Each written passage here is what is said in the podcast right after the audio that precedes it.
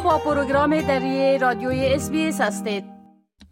حال جاوید روستاپور خبرنگار برنامه دری رادیوی SBS برای جنوب آسیا را با خود داریم تا درباره تازه ترین رویدادها در افغانستان صحبت کنند. آقای روستاپور سلام عرض می کنم. خب گفتم میشه که شماری از زنان افغان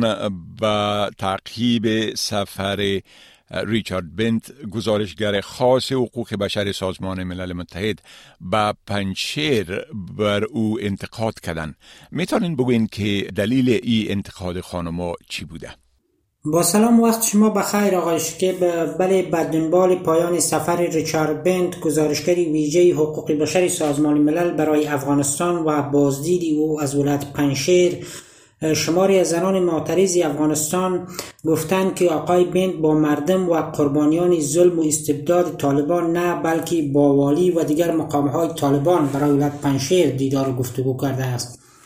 در اعلامیه ای که روز جمعه 29 میزان از سوی زنان معترض منتشر شده آمده در این, در این اعلامیه گفته شده که در طی بیش از یک سال گذشته مردم ولایت پنشیر از اختطاف و شکنجه گرفته تا محکمه صحرایی قتل نقص حقوق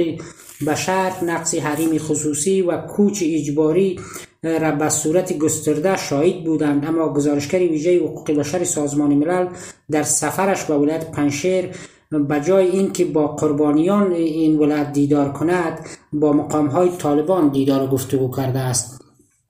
این در حال است که ریچارد مین در یک سفر دوازده روزه به افغانستان آمده بود و او به ولایت پنشیر رفت و با در این ولایت با شماری از ساکنین ولایت پنشیر هم گفته شد که دیدار و گفتگو کرد. ولی یک بخشی از مردم پنشیر هم زمان که به ولایت پنشیر آمد منابع محلی گفتن مظاهره کردند ولی تظاهرات اینا از سوی طالبان سرکوب شد. آقای بنت پس از سفرش از افغانستان وضعیت حقوق بشر در این کشور قویها نگران کننده خواند و گفت که هفته آینده به تفصیل نظریات و توصیه های خود را در مجموعه عمومی سازمان ملل ارائه خواهد کرد. این در حالی است که پس از پس از نشر گزارش ها درباره نقص حقوق بشر در پنشیر از سوی افراد گروه طالبان گروه طالبان هم یک کمیسیونی را ایجاد کردند که شماری از مقام های حکومت این گروه در این کمیسیون عضو هستند و گفتند که آنچه در پنشیر گذشته و اگر ظلمی شده و یا نقضی صورت گرفته از سوی افراد این گروه اینا ای افرادشان را شناسایی می‌کنن و اونها را محاکمه خواهند کرد. بله خب پوهنتون کابل ساحه تحصیلات برای دخترها و خانم ها در سطح ماستری محدود کرده و البته ایره در چند بخشی محدود کرده. می‌تونن بگوین که مقامات پوهنتون کابل چی میگن که در کدام بخش ها دختران می‌تونن تحصیلات عالی بکنن؟ پوانتون کابل که توسط طالبان مدیریت می شود درباره انتخاب رشته در مقطع ماستری برای محصلین زن محدودیت وضع کرده است.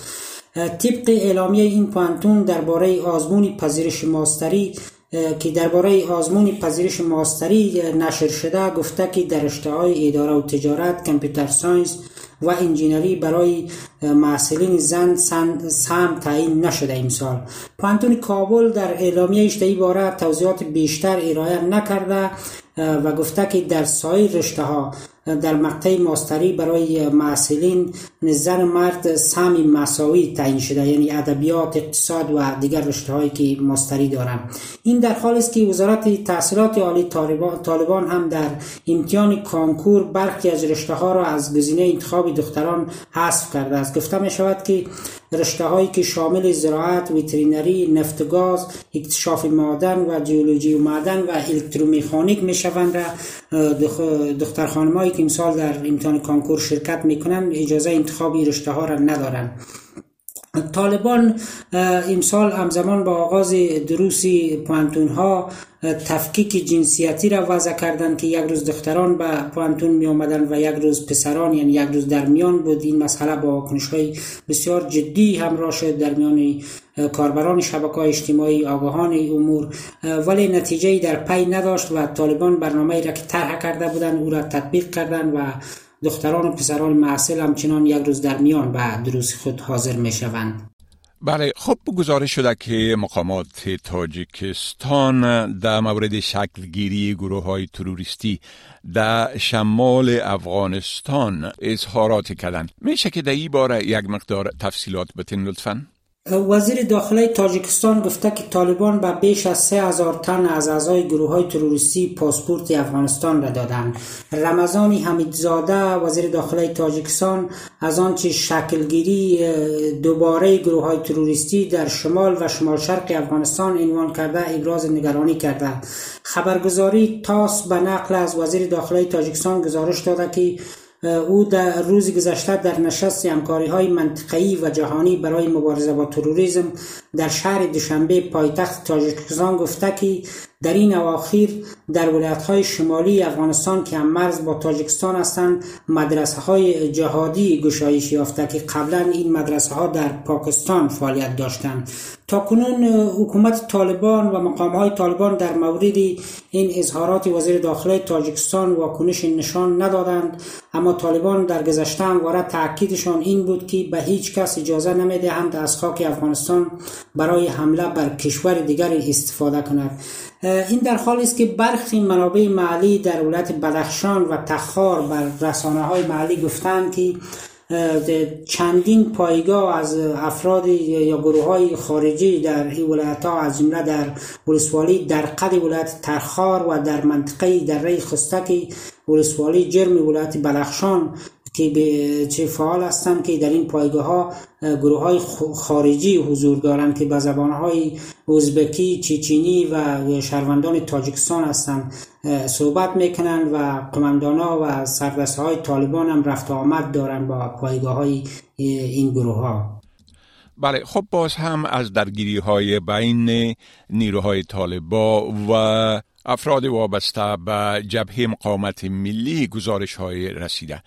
شما در این مورد چی شنیدین؟ در پی درگیری ها میان نیروهای جبهه مقاومت و افراد گروه طالبان در ولایت بلخشان گزارش شده که به دو طرف تلفات وارد شده است منابع محلی روز جمعه به روزنامه اشک صبح گفتند که در نتیجه درگیری ها در ولسوالی های ارغنجخار، راق، یفتل و منطقه شیوه که مربوط ولسوالی شغنان می‌شد 21 تن از نیروهای طالبان کشته و 7 تن دیگرشان زخمی شدند. همچنان گفته شده که سید بهردین آقا از فرماندهان ارشد جبهه مقاومت با نو تن از افراد تحت امرش که از چند روز بیسو در محاصره طالبان بود روز جمعه کشته شده و جبهه مقاومت هم کشته شدن این فرمانده خود را تایید کرده. منابع ادعا کردند که در درگیری های یک هفته که در چهار ولسوالی بدخشان به گونه پراگنده ادامه داشت دست کم هشت حمله طالبان از سوی نیروهای جبهه مقاومت عقب زده شد. مسئولان محلی طالبان هم در ولایت بدخشان درگیری ها را در برخی ولسوالی این ولایت تایید کردند اما جزیاتی از چگونگی تلفات دو طرف بخصوص از افراد خودشان ارائه نکردند. ای بود جاوید روستاپور خبرنگار برنامه دری رادیوی اس برای جنوب آسیا که درباره رویدادهای تازه در افغانستان صحبت کرد. بپسندید، شریک سازید و نظر دهید. اسپیس دری را در فیسبوک تعقیب کنید.